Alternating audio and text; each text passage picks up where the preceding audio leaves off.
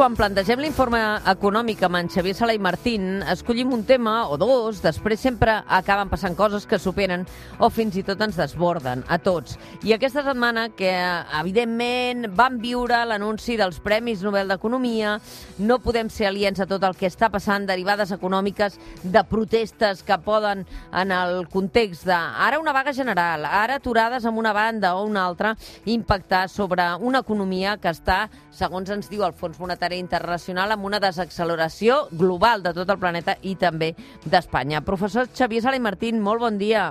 Hola, molt bon dia. Uh, aquí el que estem vivint, mm, Xavier Sala i Martín, com sabeu, durant aquest trimestre intens de docència a la Universitat de Colúmbia, viu les coses una mica a distància, que sempre va bé, però en ple clima de desacceleració, uh, bloquejos a les carreteres que van viure uh, ara, ara fa un parell de dies, o, o, o que tornarem a viure, perquè això del tsunami democràtic és bastant imprevisible. Això en un clima de desacceleració per la gent d'ordre, per entendre'ns, eh, li, li, li genera molta inseguretat perquè diuen ara què farem? Aturar l'economia, perjudicar-la més del que ja ve eh, pronosticada? Quin impacte pot tenir això?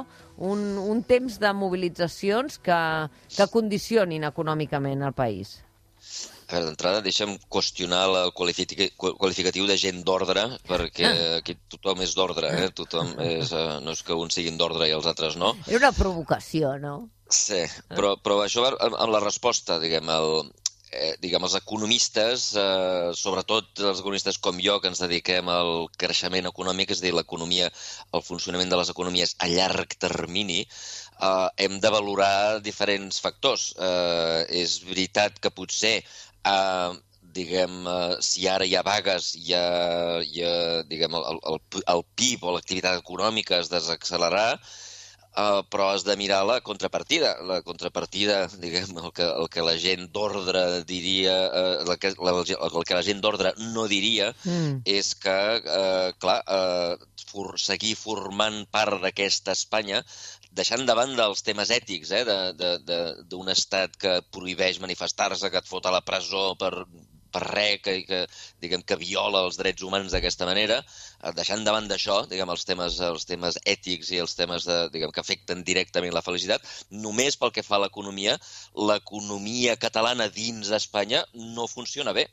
L'economia catalana no funciona bé perquè hi ha un drenatge econòmic constant, eh, que ells l'anomenen solidaritat, i que, i que això perjudica també les empreses. És a dir, mm. que si el cost de que, eh, eh, eh, eliminar aquest drenatge eh, i que, cosa que farà que en el futur l'economia creixi molt més és que a curt termini doncs el PIB es desacceleri, doncs benvinguda a la desacceleració. Mm. Uh, és a dir, no podem només analitzar uh, diguem, escolta, a les properes termini, setmanes, no? les mm. properes setmanes això, diguem, el PIB baixarà una mica, hem d'analitzar la globalitat i la globalitat, jo crec, bueno, estic convençut, no hi ha cap mena de dubte que a la llarga una Catalunya que determini les seves pròpies regulacions, que determini la seva pròpia despesa, que determini els seus propis impostos, mirant eh, diguem, el que necessiten els ciutadans i les empreses catalanes, mm. anirà molt millor.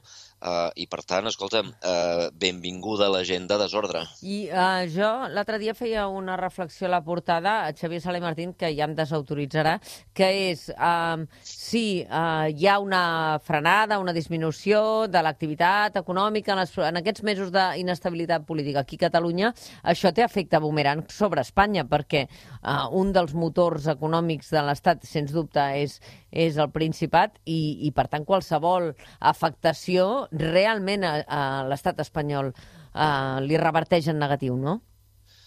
Evidentment, evidentment. I, I aquesta segurament és la raó per la qual els uh, organitzadors del tsunami democràtic, sigui qui sigui, que no sé qui són, uh, però sigui qui sigui, uh, el seu objectiu ha de ser doncs, fer mal a l'economia espanyola.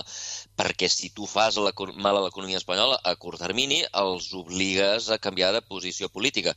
I això no només passa a l'economia espanyola, ho acabem de veure aquesta mateixa setmana a Equador, eh, que després d'una sèrie de vagues els indígenes han fet retrocedir no només el govern de Lenin Moreno, sinó el Fons Monetari Internacional, d'una política que perjudicava els, eh, diguem, els, els ciutadans, que eren els subsidis del querosè, i fa 15 dies ho vam veure a un país tan fort, tan potent, tan dictatorial eh, i tan faltat de llibertat com és la Xina, eh, diguem, igual que Espanya, eh, que es van fer enrere, es van fer enrere, un país tan fort amb, una, amb unes eh, lleis d'extradició extradició eh, que els manifestants eh, van voler tirar enrere. Mm -hmm. És a dir, que, que si tu acabes fent uh, mal a l'economia, al final el, el, a l'economia de l'altre país, el, els, uh, els rectors d'aquesta economia acaben cedint. I suposo jo que aquesta és la filosofia del,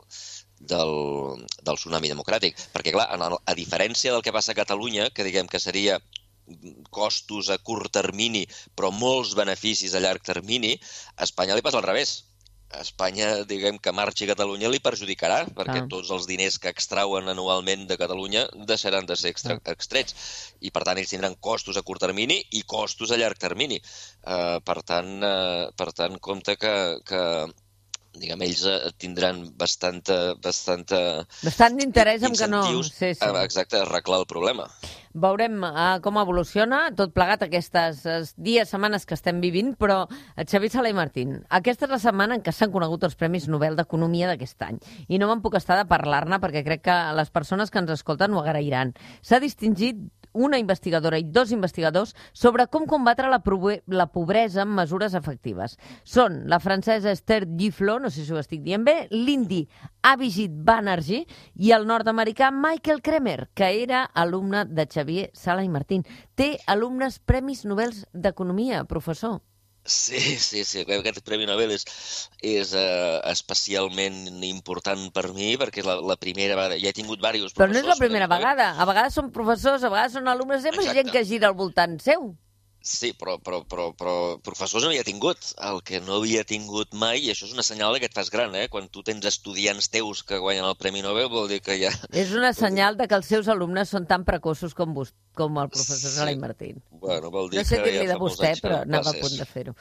Escolta'm, uh, Tu vas ser professor de Michael Kremer, professor de Harvard. Kremer sí. conclou que les famílies pobres quasi no donen medicina preventiva als seus fills si no és gratis i a partir d'aquí comença una investigació, no? A veure, deixa'm fer un pas enrere. Un sí. pas abans d'això, uh, diguem, des de que la Segona Guerra Mundial fins uh, ara, bàsicament, sí els uh, europeus, uh, nord-americans, diguem, els occidentals, hem creat un sistema que bàsicament de, era, consistia en dir eh, nosaltres podem el que ens dona la gana, sí? eh? Eh, decidim les polítiques que ens van bé a nosaltres, encara que perjudiquin els països pobres, eh, però nosaltres, per netejar la nostra consciència, eh, creem un gran sistema de benevolència que inclou institucions internacionals com el Banc Mundial, que inclou grans multinacionals de la beneficència com Oxfam, que inclou una constel·lació de petites ONGs que fan coses, i llavors nosaltres anirem allà a l'Àfrica i els ajudarem. És a dir, per una banda els perjudicarem, per exemple, farem un sistema comercial en el qual els europeus sí. subsidiarem els nostres productes, els vendrem a l'Àfrica, cosa que perjudica els, sí, els, sí. els productors africans, però això és igual, perquè després, encara que els perjudiquin, no tranquils, que després enviem les ONGs, enviem el, mundial, el Banc Mundial, els ajudem i tots, eh, tots contents, no? Doncs bé, aquest sistema d'ajudes, eh, que van, insisteixo, des de les ajudes oficials a través del Banc Mundial, les ajudes dels ministeris d'assumptes exteriores que també tenen eh, departaments d'ajuda d'ajuda al desenvolupament, etc. Tot això és una consideració d'ajuda que ens hem, ens hem gastat bàsicament dos, um, dos, dos bilions de dòlars dos bilions de dòlars, i quan els economistes miren l'impacte de tot això, ens adonem que ha estat un enorme fracàs un enorme fracàs. I aleshores, eh, diguem, hi ha urgent que diu, escolta'm, eh, aquest desastre descomunal s'ha d'acabar, hem d'acabar l'ajuda al desenvolupament, eh? Uh, i diguem, uh, hi ha una gran quantitat de gent que ho diu, però hi ha una sèrie d'economistes que diuen no, no, el que hem de fer és investigar per què hem fracassat. I eh, quan investigues per què hem fracassat, ens adonem que el gran problema és que no sabem ben bé fer les coses a països que no són els nostres. nosaltres hem estudiat molt bé aquí als Estats Units l'economia nord-americana, com funcionen els americans, com pensen els americans, els europeus heu estudiat molt bé com funcionen les ments europees, però no tenim ni idea de com funcionen els africans. Eh, per exemple, eh, com induir a les mares a vacunar els seus fills Mm. Eh? Un estudi que, que han fet aquests, aquests, el, el grup, aquest, aquests senyors que han guanyat, aquesta senyora, senyora sí. que han guanyat el Premi Nobel, tenen un grup eh, que es diu el, el, el Laboratori de la Pobresa, a sí. Cambridge, a Massachusetts, i hi ha centenars d'investigacions boníssimes, fantàstiques, que el, totes es dediquen a això, a investigar què és el que ha fracassat, com, per què no ha funcionat sí. i què podem fer perquè funcioni.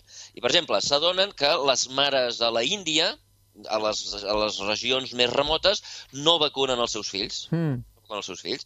I llavors, clar, els europeus anem allà i diem, clar, el problema és que com que viuen en llocs remots, eh, doncs... Eh, doncs a les mares els hi costa molt trobar una clínica, han de caminar tres dies i els costos són tan grans que no ho fan. Per tant, la solució és els hi portarem clíniques mòbils que vagin pels pobles i vacunin els nens, no? Doncs mm. això resulta que acaba sent un fracàs. Clar. Les clíniques mòbils van per tot arreu i ningú es vacuna. I llavors tu penses, però com pot ser, no? Des de la mentalitat occidental, des de la manera, nostra manera de pensar, és impossible que una mare no vacuni el seu fill. El seu fill es morirà. la meitat dels nens en aquests països, meitat dels nens es moren abans d'arribar als 5 anys. Escolta'm, vacuneu-los. Doncs no. Doncs aquesta gent el que fan és investigar per què. Eh? Doncs mm, és que no entenen el que és una vacuna. Clar, si tu no ets un, un analfabet, sí, com sí. és no, doncs, què, què vols dir? Que ara li claves una agulla al meu fill i, i, i, i una mena de, de, de bitxos morts que hi ha dins de l'agulla passen mm. al meu fill i això impedirà que es mori? No, això no pot ser. No, no, no s'ho creuen, no, no ho entenen, no? Um, o uh, viuen massa al present. Sí, sí, escolta'm, el meu fill es pot morir de gana aquesta nit. Què m'estàs explicant d'aquí cinc per anys? Per tant, sí, quins, quines accions, uh, diguem, d'impacte econòmic aquests uh, Premis Nobel d'Economia han detectat que realment funcionen Exacte. per combatre la pobresa què és el que funciona. Llavors proven, han, han, han inventat una manera, un sistema eh, empíric, un sistema d'experimentació, de, de d'intentar diferents coses, que s'assembla bastant al que fan els metges. Eh? Els metges, per saber que una medicina funciona o no funciona, què fan? Doncs donen la meitat de la població, els hi donen la medicina, l'altra meitat els donen el placebo, i llavors miren, comparen. Eh? Doncs aquí fan el mateix. Fan una cosa, un experiment amb, una, amb una, la meitat dels pobles d'aquesta regió, a l'altra meitat fan una altra cosa, i després es comparen, no? I el que van descobrir, per exemple, en aquest cas de les vacunes, és que una cosa tan estúpida com és eh, si, et, si tu vacunes el teu fill, el teu fill et dono un quilo d'arròs. Doncs resulta que, a canvi d'un quilo d'arròs, totes les mares vacunen els nens. Clar, tu, tu mires això des del punt de vista occidental i dius, però com pot ser? La gent, això, això vol dir que la gent posa el valor de la vida del seu fill. No vol dir que no I, poden i... pensar en el llarg termini, sinó en el curt termini. Exacte, exacte, exacte, exacte. I això des de l'Occident, des de la universitat aquí Impossible. americana, tots els grans savis que estem aquí pensant, no se'ns pot ni, no podem ni imaginar que aquesta és la manera de pensar d'aquesta gent. Doncs mira, aquesta és la manera de pensar d'aquesta gent i, per tant, la solució, en aquest cas particular, és, doncs, donar una, donar un quilo d'arròs amb una, a, a cada mare que es vacuna. Escolta'm, de sobte totes les mares es vacunen i solucionen un problema que ah. d'altra manera no s'havia eh, fet. Doncs això, el que ells inventen és aquest mètode. No?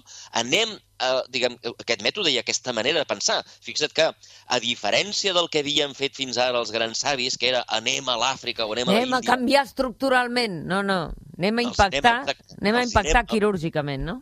Sí, en lloc d'anar en lloc d'anar a, a, a ensenyar, eh, jo, professor, savi, eh, sé com es fan les coses, senyors indis i senyors africans, ho heu de fer així. Doncs no. Fixa't que l'anàlisi és exactament la contrària.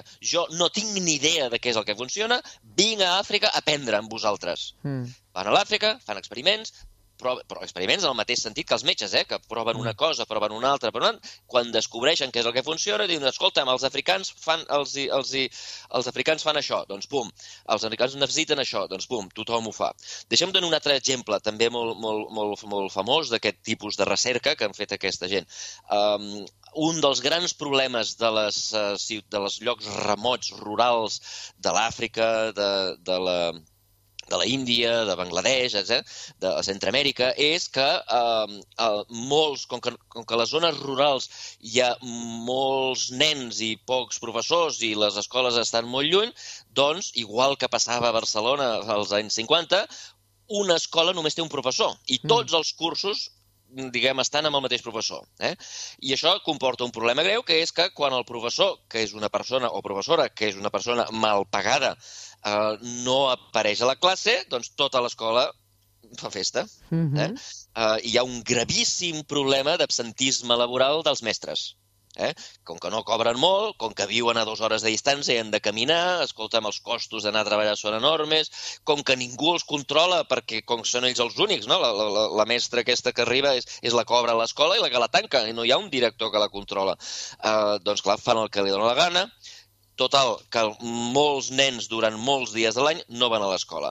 Aleshores, moltes ONGs, molts dels governs, molta gent intenta doncs, eh, eh, arreglar aquest problema. Com s'ha intentat tradicionalment? Doncs posem un mestre substitut. Ah.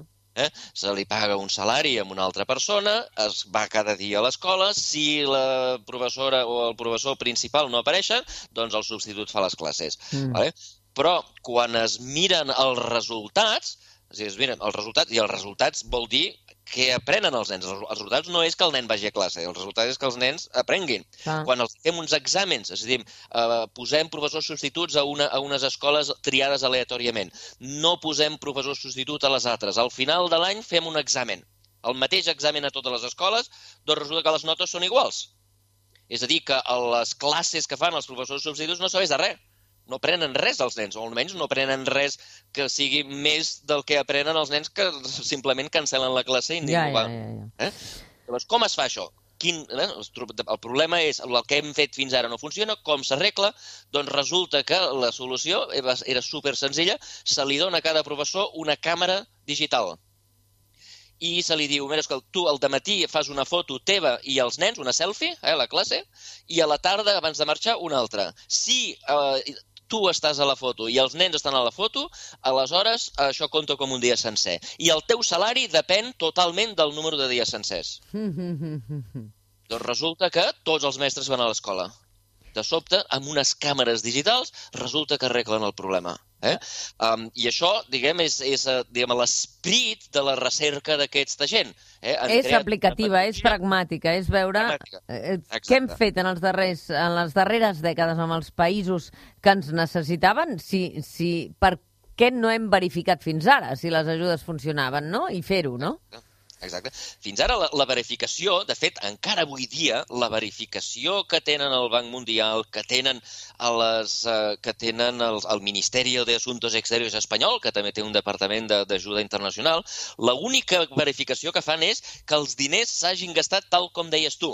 Mm. És a dir, tu dius, jo posaré una biblioteca en un poble de Ghana eh? mm. uh, i compraré 500 llibres. Doncs el que et demanen és la factura dels llibres. Sí, sí. Eh? Això no és verificar, perquè lo important no és que els africans tinguin llibres. Sí, que, que els hagis pagat, que, que els hagis... Clar, la gràcia és eh, que els diners que, que tu proves que t'has gastat no comproves si han fet el bé que, pel qual havien estat atorgats. L'objectiu no? és resultats. Hem de tenir resultats econòmics, ah. no que demostrar que tu has gastat, doncs, que, mira... o que ho has gastat bé, o que no ho has robat. Òbviament que és, és bo que no ho robis, però, però si els africans no llegeixen i no aprenen amb els llibres aquests, no sabés de res. I, i després hi ha una altra cosa, que és que sempre les relacions entre el, el que ajuda i l'ajudat sempre és sobre la desconfiança de que no utilitza bé els diners. I una altra cosa, i que se l'embutxaca o no sé què. I això hauria de pivotar sobre la confiança, a més a més verificar el resultat, però també la confiança de que és en interès d'ells eh, que ha de funcionar, no? Sí, i, i una cosa que és més important encara, que és que se'ls hi ha de donar diguem, el, el, el, el poder, no sé com es diu, empowerment. Sí, sí, empowerment, el, el, sí, d'empoderar-los. L'empoderar-los, se, se li ha de donar... És a dir, si la cosa no funciona, el nen africà ha de poder triar alguna cosa que eh, que perjudiqui el qui ho fa malament. Sí, sí. Eh? Eh, és a dir, en una democràcia, no com a Espanya, però una de veritat, diguem, si el president del govern ho fa malament, diguem, la, la bellesa, la grandesa de la democràcia és que els ciutadans el poden fer fora. Sí. Sí, eh? sí. Els ciutadans tenen un poder. Per què? Doncs perquè el president té una cosa que els ciutadans volen, que és el vot. Perdona, el, els, els ciutadans tenen una cosa que el president vol, que és el Aquí, el 10 de novembre, eh, tornaran a sortir les cartes i veurem què passa amb, amb tot aquest enrenou. Tu, amb una democràcia, pots castigar els líders que ho fan malament, no? Per això, per això la democràcia és, és, és el pitjor, és el millor dels dolents sistemes, Sí, diguem. Sí, sí. Um, diguem, uh, no que la democràcia garanteix que escollis els bons, ja ho veiem que no. Si no, Mm. no haguéssim escollit el Trump, no haguéssim Sí, escollit sí. el Lenin Moreno, diguem, no? Sí, Però la grandesa de la democràcia és, a diferència de les dictadures, és que quan t'equivoques els pots fer fora. Amb una dictadura, si t'equivoques, si el dictador és un, un lladre i un corrupte, Sí. doncs, escolta, te l'has de menjar fins que es mora. Eh? A la, a la, a, a, la gent té el poder de canviar les coses. Però amb el món de la benevolència, no. Mm. Si una ONG o el Banc Mundial o el Ministeri de Assuntos Exteriors espanyol ho fa malament, i no només el que fa és inútil, sinó que perjudica en els ciutadans, els ciutadans africans no poden fer res. Mhm. No poden dir, ah, doncs ara me'n vaig amb una altra ONG. Ah, ara, ara no et compro el teu producte i per tant t'arruïno. No poden fer res Sí, sí. I per tant no tenen el poder. I aquest és un de les grans, els grans problemes que té el sistema de beneficència aquest que hem muntat, que és que, diguem, el, el, el, el, el qui pren les decisions sense mirar el, el, el que es beneficia són els occidentals. Està clar. Uh, Xavier Sala i Martín, interessant. Aquesta vegada haver-nos submergit un any més en els Premis Nobel uh, d'Economia, aquest any aterrat a la realitat, que crec que hauran agraït els nostres oients. Una abraçada ben forta cap a Nova York. Que vagi bé. Igualment, a reveure. Adeu.